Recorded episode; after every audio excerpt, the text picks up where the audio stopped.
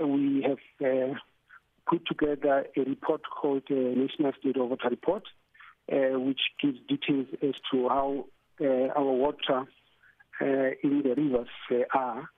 And yes, indeed, if this water in some of our rivers uh, used to irrigate uh, crops uh, without uh, uh, which are eaten raw, or without treating the water, they might pose a, a health risk to, to the consumers. Uh, which rivers and bodies of water did you study specifically? We have a national microbial uh, monitoring program mm-hmm. that covers the, the entire uh, country. And uh, so there would be sites and, uh, where we go out and uh, and, and sample the, the water and analyze for what they call E. coli, and uh, which is an indicator of uh, uh, possible fecal uh, pollution in those uh, yeah. uh, mm-hmm. rivers. So is the, is the, yeah, we did the, the whole assessment for, for the for the entire country. Okay, so when you say it's it's it could uh, irrigating crops that were eaten raw could be a health hazard. What does what does that mean for you and me?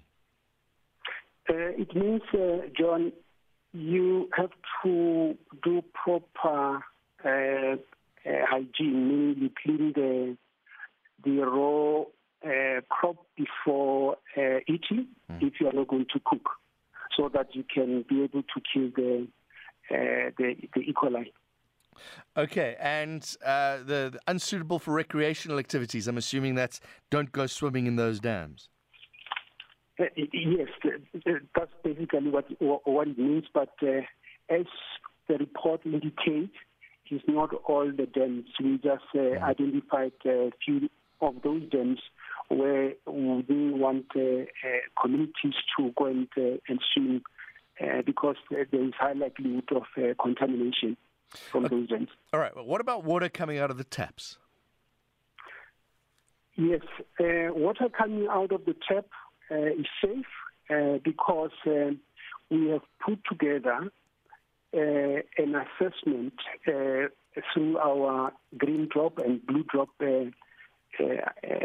assessments where we measure the contamination level mm. in your drinking water. So the drinking water is, is safe uh, and that falls under the, the blue drop uh, assessment that we are we put together and we are running as a, as, as a department. Okay, so when we see these internet reports about having to boil water, we don't necessarily have to do that at the taps. That's focused mainly on people that are taking water out of rivers and dams. Exactly, precisely, John. Okay, there are reports, Doc, that the load shedding has affected the, the treatment of water. Is, is that something you're keeping an eye on? Yes, we, we, we, we are working uh, together with the our water utilities or the water boards uh, to make sure that uh, uh, there is no problem as far as uh, the drinking water uh, that we supply to the citizen is concerned. And where can we find these reports, Doc? We have uh, the departmental website. Uh, you can go to uh, our national integrated uh, water information system, and then it will show you uh, all those uh, areas uh, where right. you would uh, see the quality of uh, the, the water uh, through the blue drop uh, uh, assessment or the green drop, or even when you are interested in the water quality of uh, water in the river, not in the tap. Dr. Moloko Matlala, thank you very much. Chief Director for the National Water Resource Information Management at the Department of Water and Sanitation.